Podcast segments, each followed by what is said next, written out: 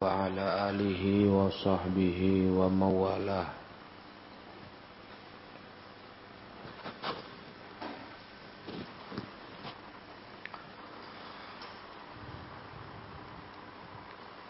Pelajaran kita sampai ayat ke-6 Ya kan? Dari surah Al-Ahzab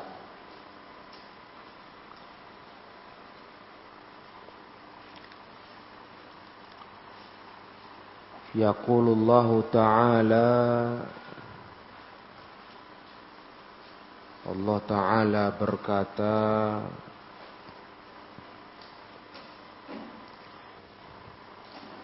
An-nabiyyu awla bil mu'minina min anfusihim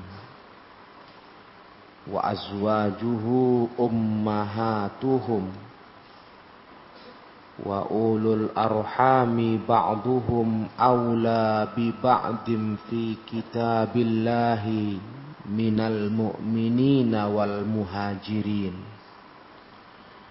illa an taf'alu ila awliyaikum ma'rufa kana dhalika fil kitabi mastura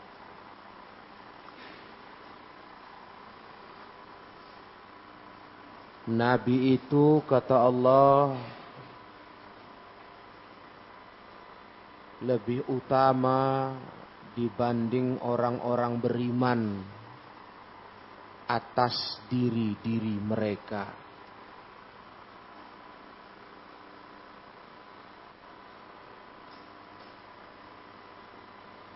Dan para istri-istri Nabi adalah ibu-ibu mereka.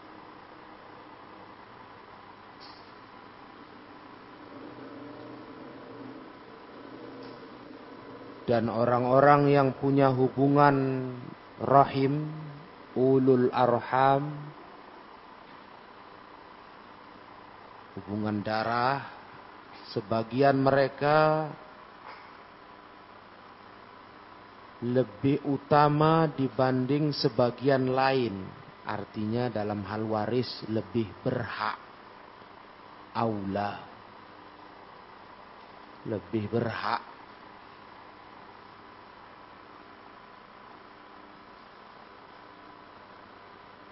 itu terdapat dalam kitabullah.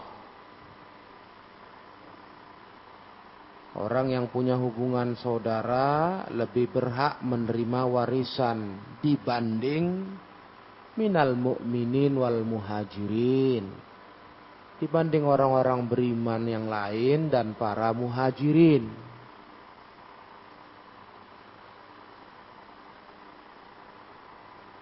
Karena hubungannya hubungan darah. Kalau dengan orang beriman lain, dengan orang muhajirin, orang ansor itu hubungan persaudaraan Islam. Lebih kuat hubungan persaudaraan darah. Karena dalam hubungan persaudaraan darah ada dua hubungan satu darah, satu agama. Kalau kita dengan sesama orang beriman, kita hubungan saudaranya satu, hubungan agama. Hmm. Tapi ingat ya, kalau kamu hubungan darah dengan orang kafir, Nauzubillah, ada punya saudara kafir. Maka hubungan kamu dengan saudaramu orang beriman lebih kuat. Karena hubungan darah, kalau hanya darah saja tanpa ada hubungan agama, kalah kuat dia dibanding hubungan agama. Paham? Nah, adapun yang di ayat ini ulul arham, orang-orang yang punya hubungan rahim itu maksudnya apa? Orang beriman. yakni ada hubungan darah dan hubungan persaudaraan agama. Nah, jadi mereka lebih pantas untuk memberi warisan antar mereka yang punya hubungan darah dibanding dengan yang punya hubungan agama. Nah, kita ini kan hubungan agama ini kita. Ya kan? Kamu saudara sama si Anu. Kan hubungan agama. Persaudaraan karena Islam. Adapun kamu yang punya hubungan darah di sini, abang beradik, nah itu dua hubungan dia, satu darah, satu agama. Ya betul? Maka dia lebih kuat itu hubungannya. Karena satu hubungan darah, satu agama. Kalau kita yang lain kan hubungan agama saja. Persaudaraan, ukhuwatul Islam. Nah, kalau mereka yang punya hubungan darah, abang beradik, itu dua. Ukhuwatul Islam dan urusan rahim. Persaudaraan secara darah. Jadi yang mewarisi yang mana? Hubungan darah. Ya Bukan hubungan agama saja. Tapi kalau kafir nggak bisa. Alhamdulillah ya kalian punya adik, punya abang, kakak, kafir. nggak ada. nggak ada waris mewarisi dengan mereka.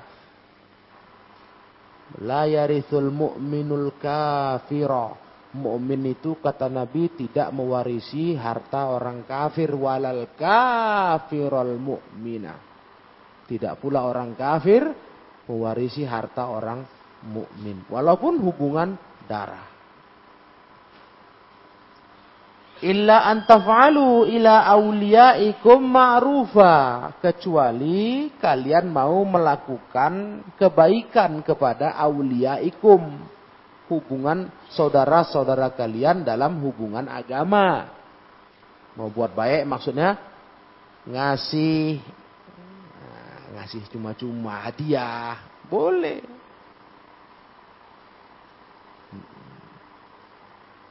Tapi kalau hukuman waris nggak ada hubungan hukum waris nggak ada. Walaupun dia kawan akrab, kawan karib, dekat kali. Kalau bukan ada hubungan darah, nggak ada urusan warisan. Contohnya yang sudah kita belajar kemarin, yang dekat kali hubungannya dalam hal hubungan apa uh, saudara iman, agama, bahkan hubungan kasih sayang. Apa itu? Kasus apa kemarin? Anak angkat, iya kan? Dekat nggak? Dekat. Tapi karena nggak ada hubungan darah, orang tua angkat dengan anak angkat tidak ada hukum warisan. Paham Gak ada rumusannya anak angkat mau menerima warisan dari orang tua angkat. Gak ada itu.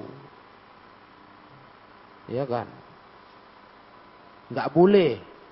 Nah, tapi kalau ternyata yang berhak menerima warisan mau buat baik, itu yang kata Allah illa antafa'alu ila auliyaikum ma'rufa ya silahkan. Misalnya ada orang tua punya anak angkat satu, punya anak kandung dua. Yang terima warisan anak mana? Anak kandung, ya kan?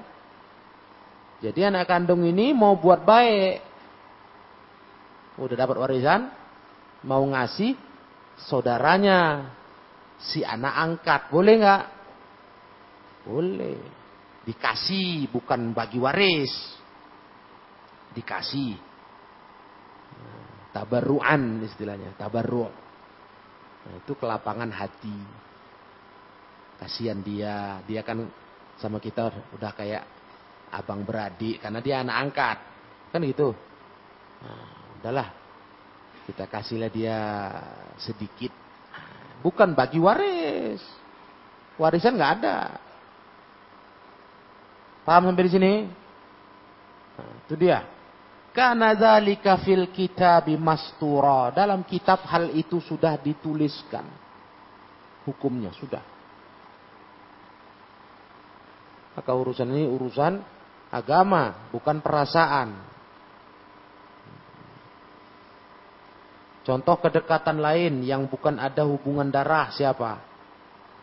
Antara sahabat muhajirin dan ansor. Itu dekat betul. Luar biasa itu. Sampai ayat yang bicara.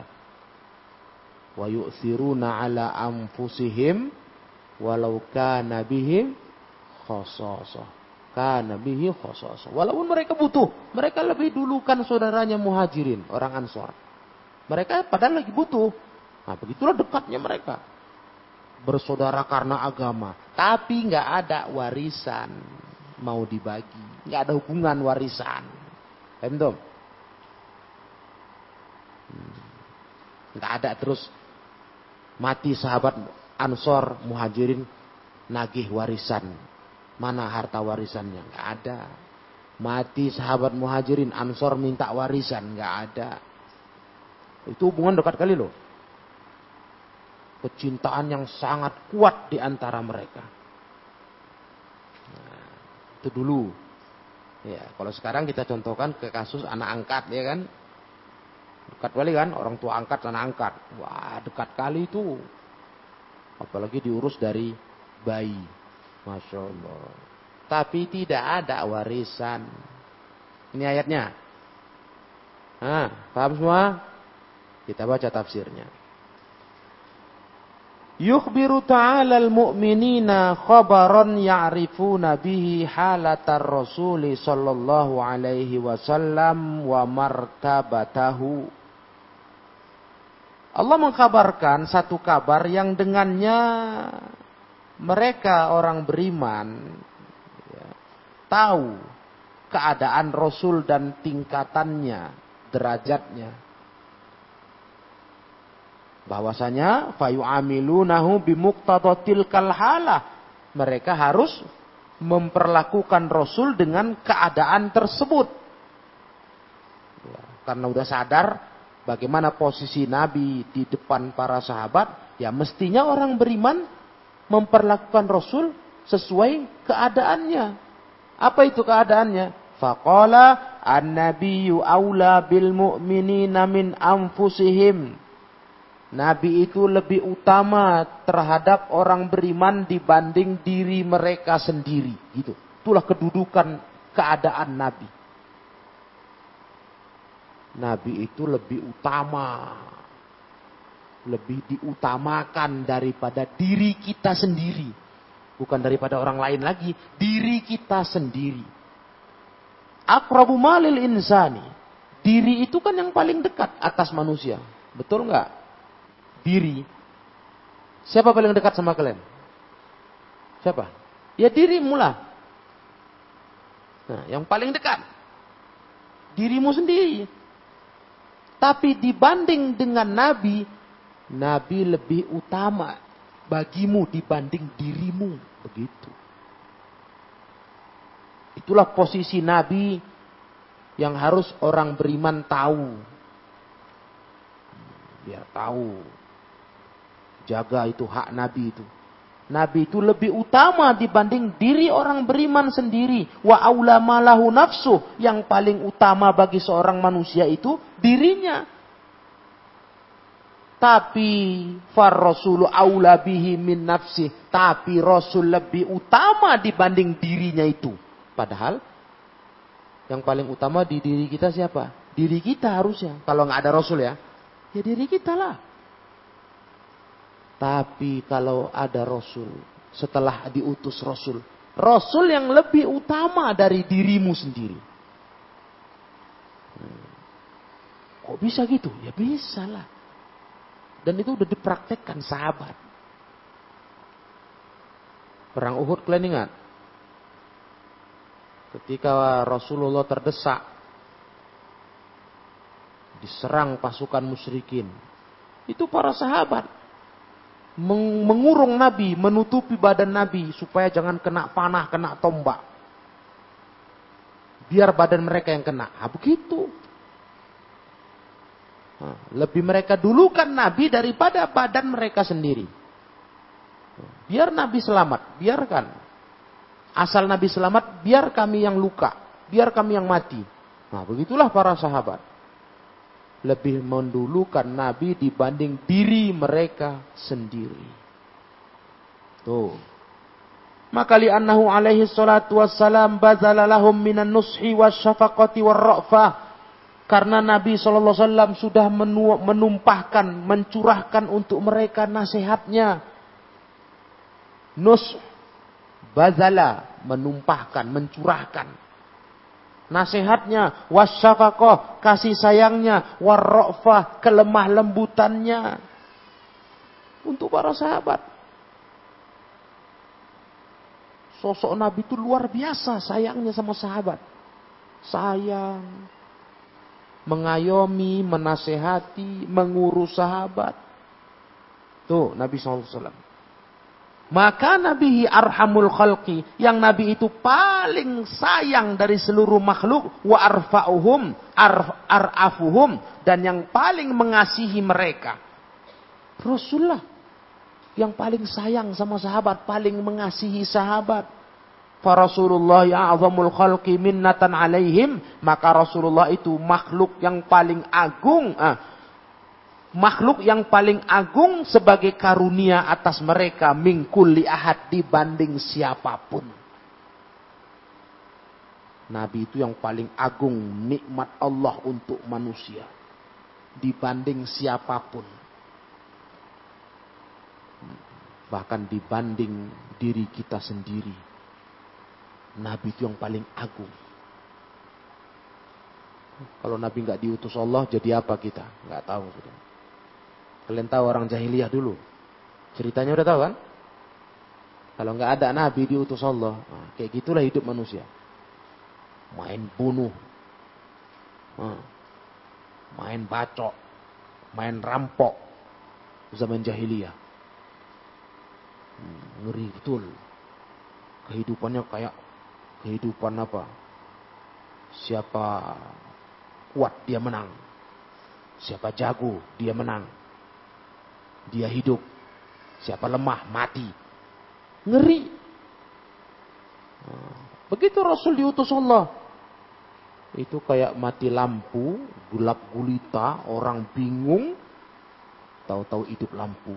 Masya Allah. Terang benderang, jelas. Itulah Rasulullah bagi manusia. Nah, karena Rasul kayak begitu kondisinya, maka pas kali, betul kali kalau Nabi lebih utama daripada diri kita sendiri. Ya kan? Nah, Fa'innahu lam yasil ilaihim mithqalu dzarratin minal khairi. Karena enggak akan sampai kepada sahabat itu. Walaupun sebesar biji zarrah dari kebaikan. Enggak akan sampai. Tidak pula walan dafa'an hum mithqalu dzarratin minasyarri. Tak akan tersingkirkan, terhindarkan dari para sahabat walaupun sebesar sebesar biji zarrah dari kejahatan illa ala yadaihi wa bisababih kecuali melalui tangan Nabi dan sebab diutusnya Nabi. Paham? Enggak ada cerita baik yang didapat manusia kalau nggak lewat Nabi? Nggak ada. Makanya kalian harus yakin. Nggak ada yang baik kecuali yang diajarkan Nabi itu baik. Karena Nabi lah guru yang baik. Guru kebaikan. Kalau Nabi nggak ada, kita nggak tahu yang baik. Kalau Nabi nggak ada. Nggak diutus. Nggak tahu yang baik. Nggak bisa menghindar dari yang buruk. Makanya yang baik itu hanya yang Nabi ajarkan yang Nabi tuntunkan. Kalau ibadah, ingat. Beda sama dunia. Kalau ibadah. Nggak ada yang baik kecuali yang Nabi ajarkan. Yang nggak Nabi ajarkan, jelek.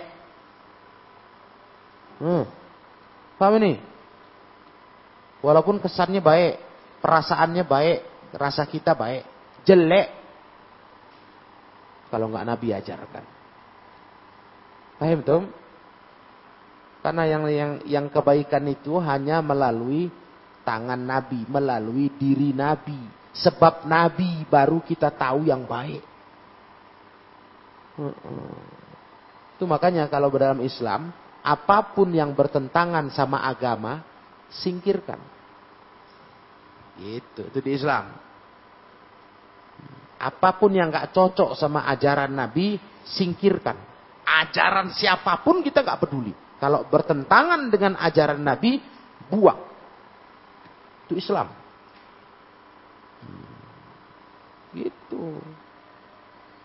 Jadi jangan coba-coba Islam itu nomor dua. Nah, kayak sekarang ini, tau kalian? Dirusak ini umat Islam. Sibuk dengan kita ini bangsa yang harus mendahulukan budaya. Jangan gara-gara agama budaya kita hilang katanya. La ilaha illallah. Kita ini anak Indonesia. Nah, jadi kita harus menjaga budaya. Iya, kalau budayanya nggak salah, cocok, ya kan? Budayanya nggak nggak salah. Kalau salah budayanya, budaya syirik umpamanya, dijaga itu, dijaga, dibuang lah. Macam mana dijaga? Budaya syirik, campakkan karena Islam melarang syirik, paham Ini budaya kampung kami nih. Kami harus ngasih sesajian ke ke ke ke apa? Ke pohon keramat, ke sawah. Itu syirik. Campakkan budaya itu. Mana ada budaya melawan agama? Ngerti kalian? Karena kita nggak tahu yang baik itu kalau nggak dari Nabi. Kita nggak akan terjaga dari yang buruk kecuali dari Nabi. Nah, jadi nomor satu apa? Agama yang dibawa Nabi. Itu nomor satu di hidup kita. Adat, budaya, kalau melawan agama, campakkan. Nah, tapi kalau boleh cocok dengan agama, halal, mari kita berbudaya. Nah, gitu Islam. Misalnya ada budaya, kebiasaan adat masyarakat. Kalau kita datang, tiap datang mesti disuguhkan kopi. Mana itu di Aceh? Mana orang Aceh? Tamu tuh harus kasih kopi. Boleh nggak itu? Dalam Islam? Boleh nggak? Ya boleh, baguslah. Menghormati tamu, dikasih jamuan kopi. Kalau kasih air paret baru nggak boleh. Kopi, ya nggak apa-apa. Tapi katanya, tapi udah, udah, udah minum kopi di rumah, semua rumah datang ngasih kopi. Ya nggak apa-apa. Itu adat baik itu. Hajar. Ya kan? Budaya bagus itu. Wah. Iya. Gitu. Jadi yang mana yang tidak cocok sama Islam, maaf. Islam itu nomor satu. Bagi kami, bukan adat budaya. Loh, kok nggak anak Indonesia? Kata. Anak Indonesia aku. Kok hargailah budaya Indonesia eh aku dari kalau disuruh milih kalau memang bertentangan antara aku jadi anak Indonesia dengan aku jadi anak Islam, aku yang milih anak Islam. Ngerti? Hah? Karena yang mau dibawa mati itu status sebagai anak is Islam, bukan anak Indonesia penentunya, bukan. Eh, jangan cerita lah. Ini lumayan lah budaya Indonesia Alhamdulillah. Walaupun banyak yang salah juga. Tapi nggak seburuk lah kalau budaya barat. Macam mana kalau budaya barat? Budaya barat itu pakaian perempuannya di atas lutut. Setengah paha misalnya. Gimana orang Islam di barat? Ikut budaya? Telanjang? Nah, lumayan budaya Indonesia kalau ada yang syiriknya kita buang, yang baiknya kita amalkan. Gimana kalau budaya budaya di, di negara lain? Negara-negara kafir tuh, wih ngeri-ngeri budayanya. Nauzubillah. Ada budaya lagi di Australia. Itu kalau ada acara mesti minum homer. Makan nggak penting, minum yang penting. Minum homer. Gimana itu? Itu budaya mereka, budaya. Jadi kalau ada pesta-pesta, malam tahun baru, itu yang penting minuman. Homer. Minuman mabuk. Makan kurang penting mereka, yang penting minum. Bagaimana itu? Budaya itu. Kalau kafir biarlah itu, suka hati kalian lah. Kalau muslimnya bagaimana? Ikut budaya. Ngawur. Nah, gitu. Jadi budaya itu, kalau tidak menyalahi Islam, kita setuju kita kerjakan. Tapi kalau menyalahi Islam, mohon maaf. Nabi pun diutus Allah ke negeri apa ke Mekah, negerinya musyrikin dulu. Itu tentu dakwahnya melawan budaya. Apa budaya mereka? Budaya orang musyrikin dulu. Nyembah ber berhala. Nah. Nabi hijrah ke Madinah. Apa budaya mereka? Adat kebiasaan orang Madinah. Minum khamer, tau kalian? Khomer tuh kayak air putih udah. Tiap-tiap rumah bertong-tong itu khomer. Begitu Islam datang turun wahyu. Haram khomer. Innamal khamru wal maisiru dan seterusnya. Langsung sahabat keluar rumah dituangkannya khomer tuh ke jalan-jalan. Sampai becek itu jalan kota itu. Karena bekas khomer dibuang sahabat. Paham kalian? Jangan cerita lah. Ini ini sekarang nih Wah ngeri memang. Apa kerjanya PKI? Ya, gaya PKI gitu. Dibentur-benturkannya, dilaga-laganya budaya sama agama. Dengan kata itu. Kita kan bangsa Indonesia. Budaya Indonesia lah kita pambil. Kalau agama Islam ini kan cuma datang dari Arab katanya. Astagfirullah. Jadi harusnya mengikuti budaya Indonesia katanya. Islam itu. Astagfirullah. Inilah luar biasa sekarang ini. Kalian harus paham agama. Biar bisa kalian terangkan ke masyarakat. Itu salah pikiran. Sesat itu. Yang selamat itu ikut agama, bukan ikut budaya. Yang mau dihisap Allah itu apa? Agama. Ngerti? Yang ditanya Allah itu apa agamamu? Betul? Bukan apa bangsamu. Kau negeri mana, asli mana. Enggak ditanya kan? Kau anak mana? Gak ditanya Allah. Agamamu apa? Madinuk. Waman nabiyuk. Kan itu kan? Dari awal man buka. Siapa Robmu? Siapa nabimu? Apa agamamu? Itu. Hmm, makanya ini perhatikan tafsir ini. Penting kali ini. Posisi nabi yang harus kalian kenal. Nabi itu penyebab. Dari sebabnya lah datangnya segala kebaikan terjaganya kita dari segala kejahatan.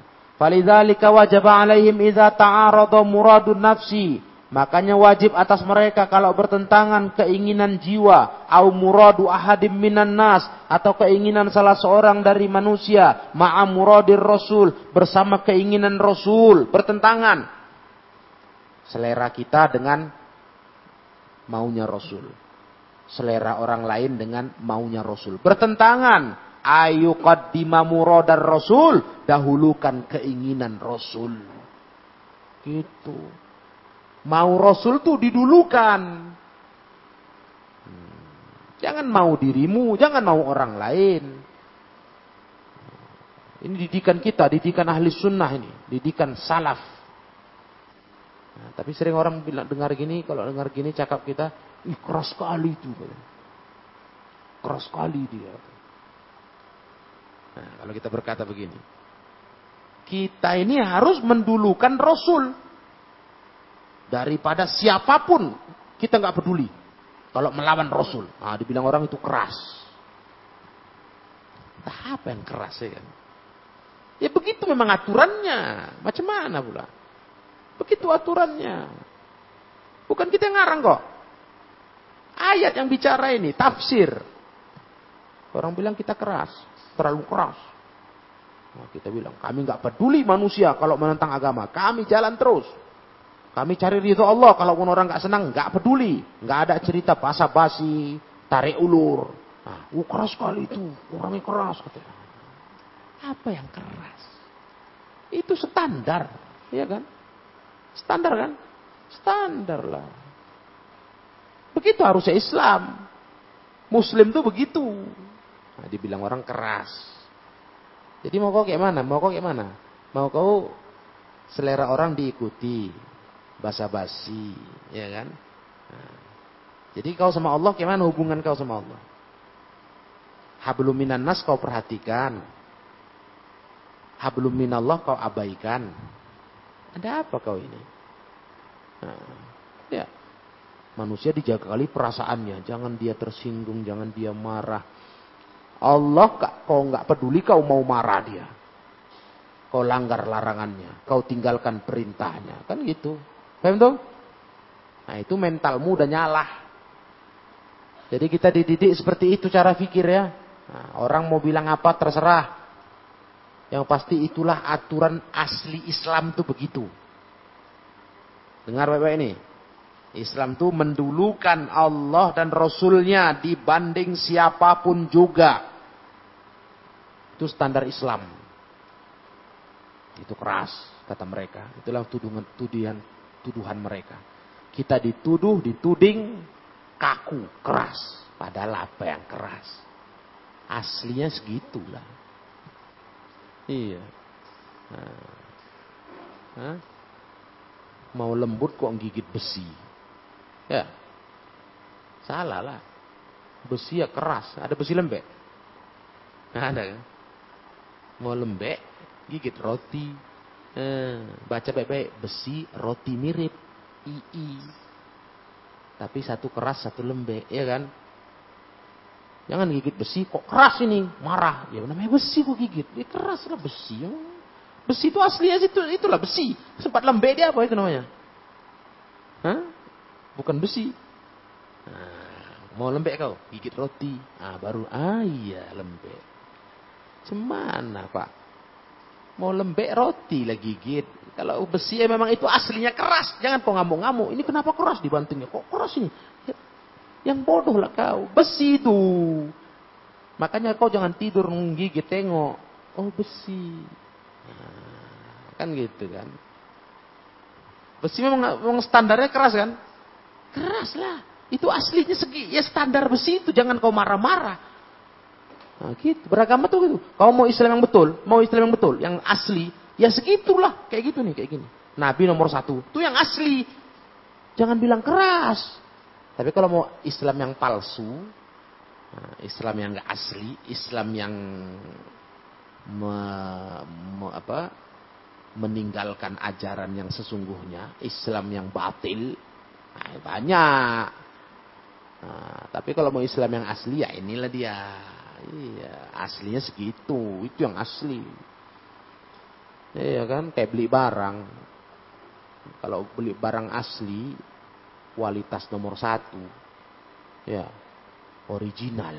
Itu ya mahal. Beli yang original. Oh, nomor satu ya, ya mahal lah. Namanya nomor satu barangnya. Kalau barang KW, kualitas dua, tiga, ah, itu baru murah. Nah, jadi kalau kamu mau beli barang itu, ditanya nanti tuh, nah, yang apa asli? Gitu. Ya aku mau asli, asli mahal, karena dia barang nomor satu, ya kan?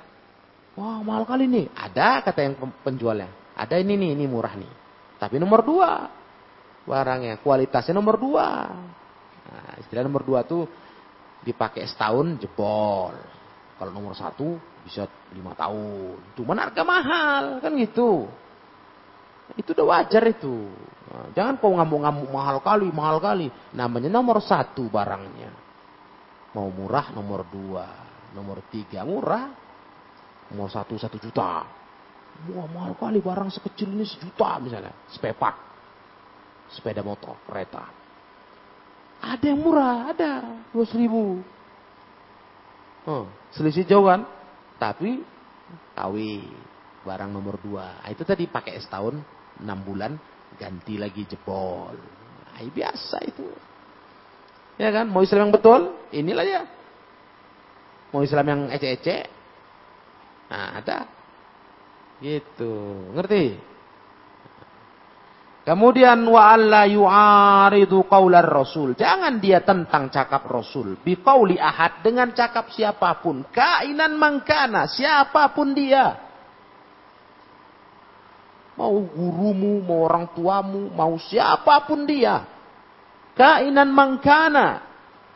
Jangan kau tentang cakap Nabi. Wa ayyufdu bi anfusihim wa amwalihim. Harus mereka siap menepus Nabi dengan diri mereka, harta dan anak-anak mereka. Iya. Nabi itu nomor satu. Gitu. Sekalipun mungkin diminta anakmu.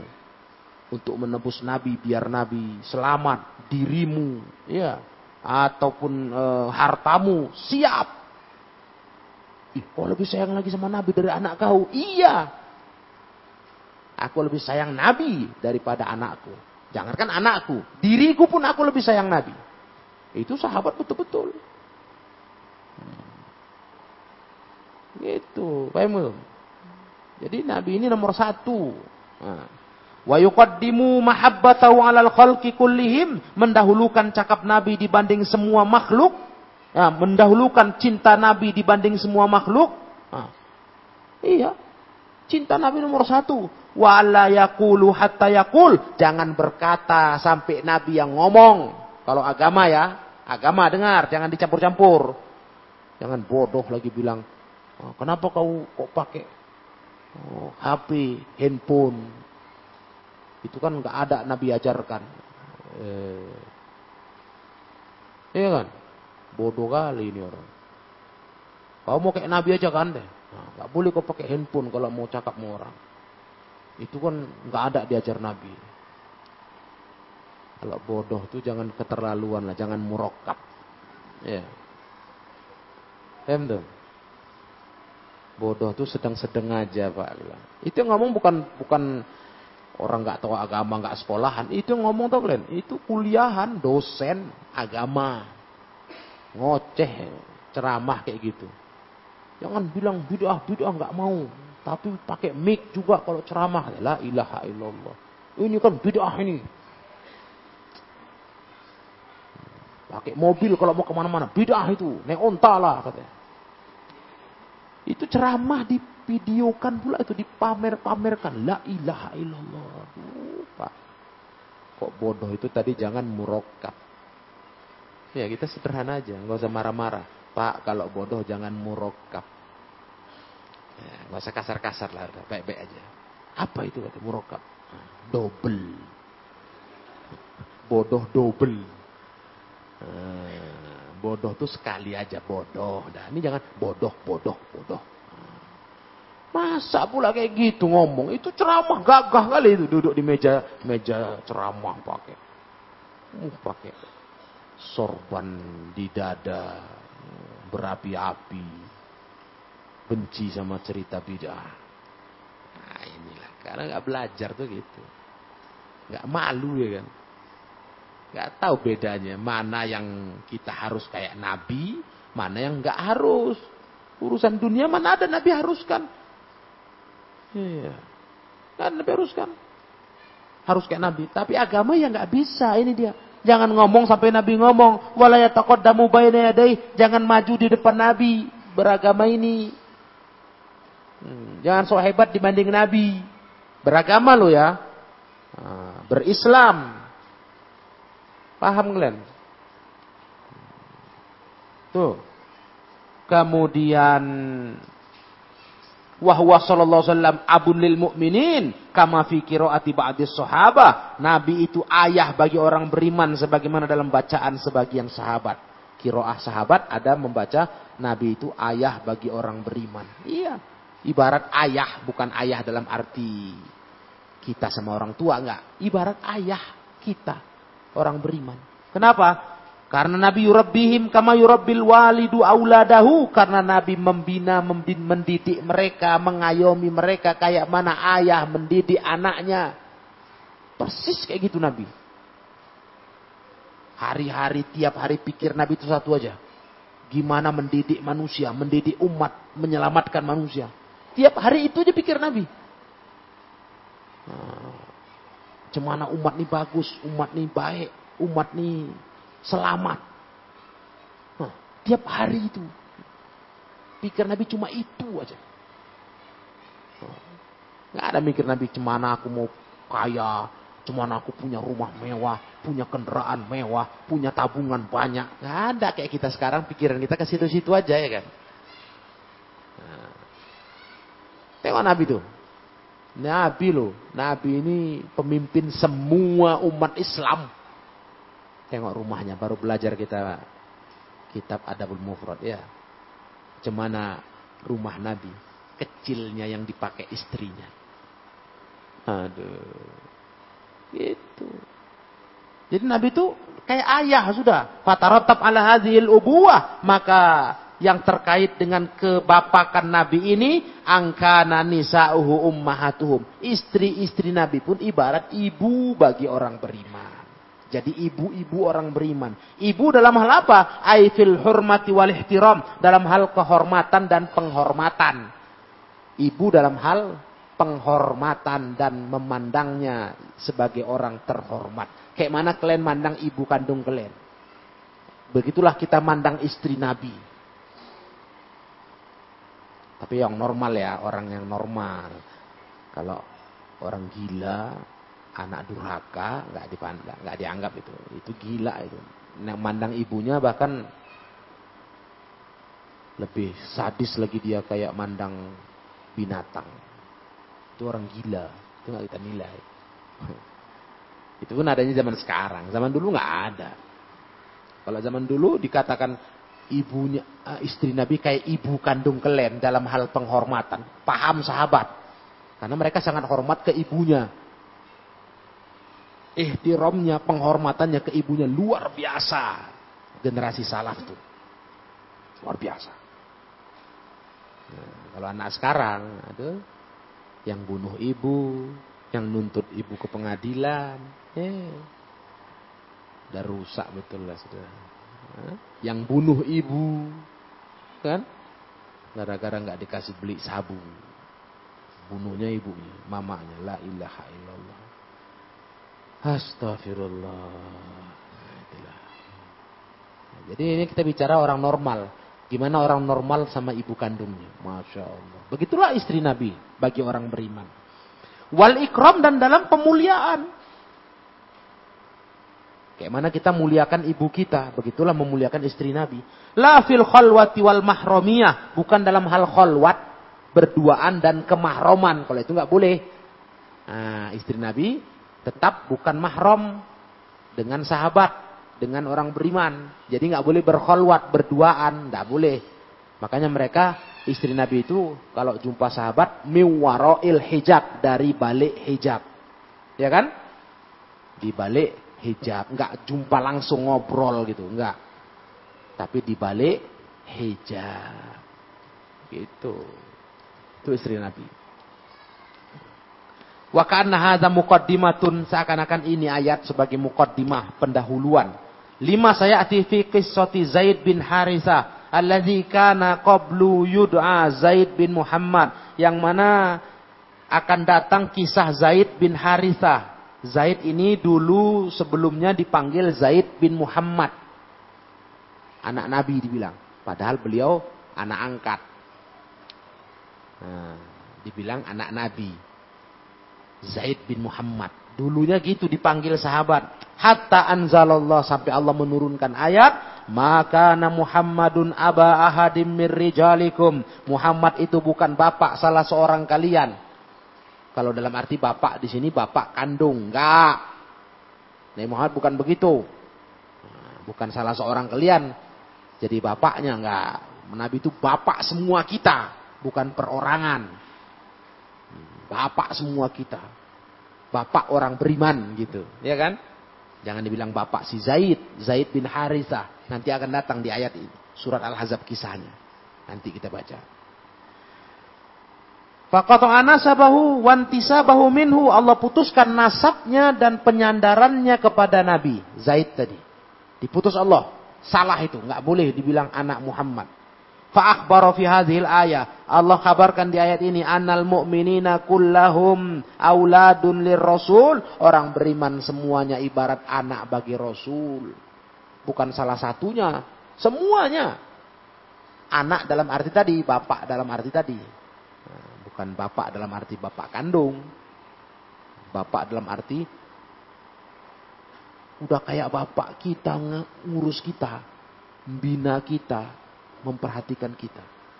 Tuh, bapak bagi orang beriman semua. Fala maziyata li ahadin an ahadin wa in an ahadim an, an ahadihim intisabud dakwah, maka tidak ada kelebihan keistimewaan atas seseorang dibanding seseorang yang lain, enggak ada.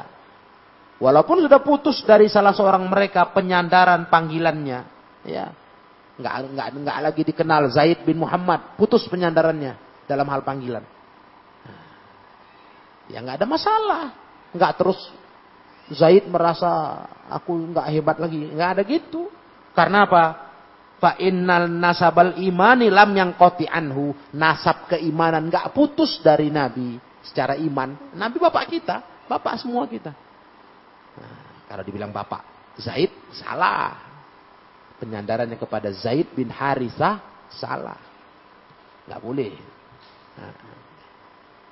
Fala yahzan wala ya'saf. Jangan dia sedih, jangan dia merasa putus asa. Kok nggak dibilang anak Nabi lagi, anak Muhammad? Nggak. Karena Nabi itu bukan ayah salah seorang kalian, tapi ayah semuanya. Nah, Wa tarattab ala anna zaujatar rasul ummahatul mu'minin dan berkaitan kelanjutan hal ini bahwasanya istri-istri Rasul itu adalah ibunya orang beriman. Annahunna la yahlalna li ahadin min ba'di. Mereka enggak halal bagi seorang pun sepeninggal Nabi. Ibarat ibu dalam hal tadi, kemuliaan, penghormatan. Nah, maka enggak halal dinikahi. Walaupun secara mahram enggak. Tetap aja istri Nabi sama sahabat nggak ada hubungan mahram. Tapi hubungannya ibaratkan sedengan ibunya sahabat dalam hal penghormatan dan memuliakan. Makanya nggak boleh dinikahi. Nah, Allah berkata dalam ayat kama sorroha bidzalik wala tangkihu azwajahu mim ba'dihi abada Jangan kalian nikahi setelah Nabi meninggal selamanya para istri-istrinya. Jangan nikahi istri Nabi selamanya. Setelah Nabi wafat, para istri Nabi nggak boleh dinikahi siapa pun juga. Memang nggak ada, nggak ada kejadiannya. Sampai mati mereka, mereka tetap tidak menikah lagi setelah Nabi wafat. Nah, Wa ulul arham ya il aqarib dan ulul arham yakni kerabat. Jadi udah paham sebelumnya kan? Masalah istri Nabi udah paham kan? Nah, ibu ibarat ibu orang beriman dalam hal apa? Kehormatan, penghormatan dan pemuliaan. Jadi nggak boleh dinikahi. Kayak mana kita nggak nggak mungkin mustahil nikah dengan ibu sendiri, ya kan? Nah, itu dia. Kemudian ulul arham al-aqarib. Qoribu au ba'udu. Sanak kerabat dekat atau jauh. Mereka itu ba'duhum aula bi ba'din fi kitabillah. Ai fi hukmi. Mereka lebih utama, lebih lebih lebih apa? Uh, diprioritaskan berhak sebagian atas yang lain yakni dalam hal hukum dan ini dalam hal apa? Hal waris. Fairithu ba'duhum ba'da. Wa yabirru ba'duhum ba'da. Mereka saling mewarisi sebagian yang lain dengan yang lainnya. Saling buat baik yang lain dengan yang lain. Itulah kalau kerabat. Saling waris mewarisi. Saling berbuat baik. Itu harusnya kita saling berkeluarga. Berkerabat. Hmm, gitu. Fahum aula minal fahum aula minal halaf halafi wan nusrah. Mereka lebih pantas dibandingkan sekedar sumpah dan untuk ditolong. Lebih berhak mereka untuk diperhatikan, untuk dibantu, berhak. Hmm. Ya, lebih pantas. Wal adhiya alladzina kanu min qablu, adapun para adhiya Adhiya itu anak-anak angkat yang kemarin kita bahas, yang sebelumnya itu, yarithuna bihadhil asbab duna zawil arham. Dulu mereka mewarisi dengan sebab ini. Selain hak sanak kerabat, mereka pun dapat warisan dulu. Maka setelah turun ayat ini, faqata'a ta'ala tawaruth bidzalik. Allah memutuskan mewaris saling mewarisi dengan ayat ini. Diputuskan Allah hukum itu. Nggak boleh lagi. Dulu ya, anak angkat bisa mewarisi harta orang tua angkat. Dulu.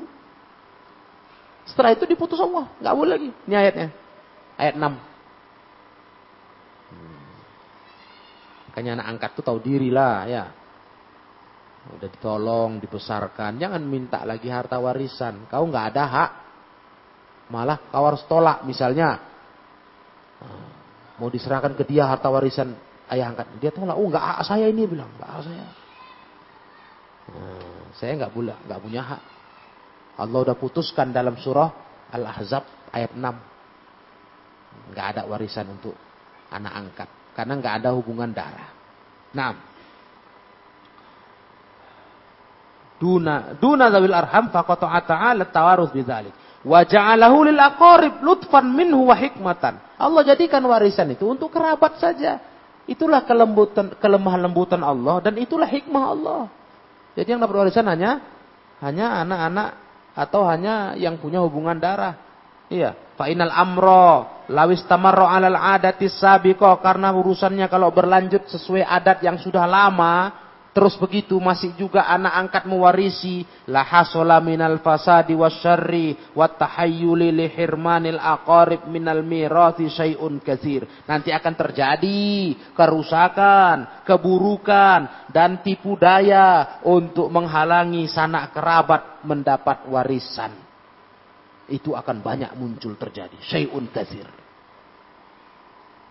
Kalau sempat anak angkat boleh dapat warisan nanti akan timbul kerusakan. Timbullah apa? Tipu daya, hila, nah, jegel menjegel, nah, gitu. Jadi nggak boleh. Nah, mana anak angkat tak ada warisan, putus sudah. Warisan hanya untuk keluarga yang ada hubungan kerabat saja. Nah, Minal mu'minin wal muhajirin dari kalangan mukminin dan muhajirin sudah nggak ada dapat. Dulu dapat. Sudah dilarang Allah. Ai sawaun kanal aqarib mu'minin muhajirin wa ghairu muhajirin. Sama saja apakah kerabatnya mukminin muhajirin atau selain muhajirin. Ya. Fa inna zawil arham muqaddamuna fi dzalik. Sanak kerabat yang punya hubungan kerabat lebih didulukan daripada hubungan saudara agama dalam hal warisan. Walaupun muhajirin, walaupun yang bukan muhajirin, sama. Yang lebih duluan kerabat kamu. Nah, yang punya hubungan keluarga, itu yang berhak dapat warisan. Nah. Wahadil ayatu hujjatun ala wilayati zawil arham. Ayat ini hujjah atas wilayah zawil arham. Wilayah dalam arti uh, uh, hubungan apa kepantasan. Uh, ini dalilnya. Ya, fi jami'il wilayat dalam seluruh hal wilayat, ka wilayatin nikah. Nah, dalam hal contohnya wilayat nikah yang pantas menikahkan, ya kerabat. Ada urutannya kan, kalau nggak ada ayah siapa, nah, turun ke paman, ke abang, ke, nah gitu. Itu harus kerabat, orang lain nggak bisa nikahkan. Nah, itu dia. Contohnya nikah, wal mal, harta, wa ghairi zalik dan yang lainnya. Pokoknya urusannya urusan kerabat dalam hal wilayah. Makanya nggak bisa yang menikahkan itu orang lain. Kalau ada orang mau nikah, yang nikahkan ustad, nggak bisa. Harus walinya, nah, harus. Kecuali walinya mewakilkan, boleh. Saya wakilkan hak wali saya kata ayahnya kepada fulan. Fulan itu ustad Tolong Ustaz nikahkan anak saya. Mungkin karena jaraknya jauh. Bisa. Tapi ada perwakilan. Wakalah, wikalah. Kalau enggak, enggak bisa. Paham Glenn?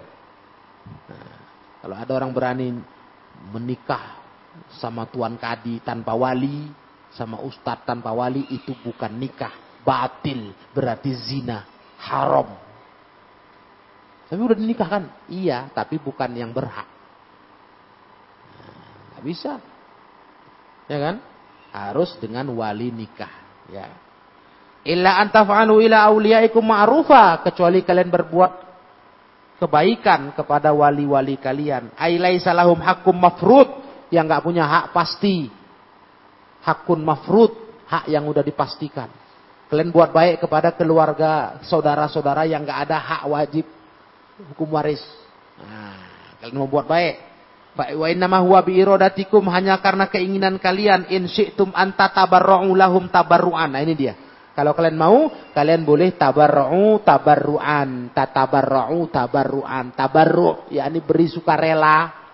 Itu artinya tabarru'. Boleh ngasih istilah kita, ngasih cuma-cuma gratis. Dia nggak ada hak. Kayak tadi contoh ada anak angkat ya. Nah, kalian punya abang angkat. Dulu orang tua kalian nggak punya anak, ngangkat anak supaya mancing anak istilah orang. Dapat. Lahirlah kalian, lahirlah adik kalian, lahirlah adik kalian lagi. Ya. Kan udah dekat itu hubungan kalian sama dia. Udah kayak abang adik kandung. Namanya udah dari kecil. Begitu cerita warisan, nah, dia kan nggak dapat, dia tersingkir, dia bukan anak kandung, minggir. Kalian bagi-bagilah. Nah, boleh kalian kasih dia setelah bagi-bagi, boleh lah. Anta tabarru'u tabarru'an. Gak apa-apa. Kalian dapat satu orang, misalnya dapat 10 juta, abang beradik. Laki-laki semua 10 juta, 10 juta. Nah, terus kalian ajaklah adik-adik kalian, abang adik-adik kalian. Eh, kita sumbang berapa kalian mau ngasih? Kita kumpul yuk, kita kasih abang kita. Gitu. Nggak apa-apa. Satu orang satu juta misalnya. Ah, kumpul terkumpul 4 juta kasih dia bisa umpama boleh tapi jangan cerita bagi waris ngerti anak angkat nggak ada warisan. Karena zalikal hukmul madhkur, au wa inna ma huwa bi iradatikum in syi'tum an tatabarru'u lahum tabarru'an wa tu'tuhum ma'rufan minkum kalian berikan sebagai ma'ruf kebaikan kalian untuk mereka. Nah, sebagai istilah baik hati. Sekedar untuk ngasih dia dasarnya baik hati. Karena zalikal hukmul mazkur fil kitab mastur. Hukum yang disebut ini sudah ada di kitab masturon ay qad sutira wa kutiba wa. Sudah digariskan, sudah ditetapkan, sudah ditakdirkan Allah. Fala buddha min nufuzi. Harus diterapkan, harus dijalankan. Maka sejak turun ayat ini, selain yang urusan-urusan saudara kandung atau urusan kerabat, nggak dapat warisan. Dulu dapat, dulu belum ada ayat ini dikasih. Nah, maka sekarang harusnya umat Islam tahu namanya warisan nggak jatuh ke anak angkat. Jadi kalau nggak punya anak macam mana? Nah, ini ilmu faroid lagi namanya. Tapi nggak punya anak, jadi ke mana hartanya? Ya, ke kerabat lain. Ada ilmu faroidnya, ilmu warisnya. Nah, anaknya nggak punya. Memang orang tua ini nggak punya anak, punya anak, an anak angkat aja punyanya, tiga anak angkatnya. Jadi hartanya ke mana dia mati? Ya, kepada ahli waris lain. Apakah kepada abangnya, kakaknya, adiknya, nah, gitu. Sampai turun ke keponakannya. Ada ilmu faroidnya. Pokoknya ke anak angkat tutup tembok, pam, nggak bisa lagi, nggak dapat klaim. Walaupun anaknya cuma tiga ini dari kecil dipeliharanya. Anak angkat. Mereka bukan ahli waris. Nah, gitu ya. Mereka tak dapat apa-apa. Yang dapat keluarga si orang tua ini. Itu nanti ilmu faroid lagi ceritanya. Yang pasti itu tadi hukumnya. Nabi SAW lebih pantas, lebih utama dibanding siapa pun juga. Siapa pun juga ya Bahkan dibanding dirimu sendiri. Nabi lebih kita dulukan. Apalagi dibanding orang, dibanding ustadz, kiai. Ah, kalau melawan Nabi cakapnya kita buang. Nah, kenapa? Hah? Kok gitu kita? Ya gitulah, memang itu pesan pesan agama. Nabi nomor satu. Nah, jadi kalau cerita cinta Nabi, menghormati Nabi, ahlu sunnah jagonya lah insya Allah. Nah, maka jangan dituduh kita nggak cinta Nabi gara-gara nggak maulidan, ya kan? Kan itu tuduh mereka kan.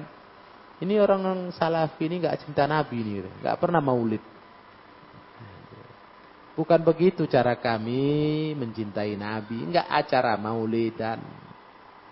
Itu nggak ada tuntunan sunnahnya. Hmm, kalau cerita cinta Nabi nggak usah kalian ajari kami. Kami paling tahu itu kayak mana kami mandang Nabi. Mungkin kalau prakteknya kami lebih dari kalian. Kalian di mulut sering cinta Nabi, cinta Nabi, tapi tak mana diikutinya ajaran Nabi ya kan? Tak apa dikerjakannya. Nah, jadi insya Allah kita tahu betul paling mau cinta Nabi Wasallam. Paling tahu itu insya Allah.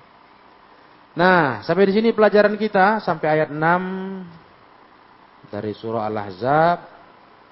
Nah, wallahu a'lam bissawab. Ilahuna subhanakallahumma wa bihamdika asyhadu an la ilaha illa anta astaghfiruka wa atubu ilaik walhamdulillahi rabbil alamin.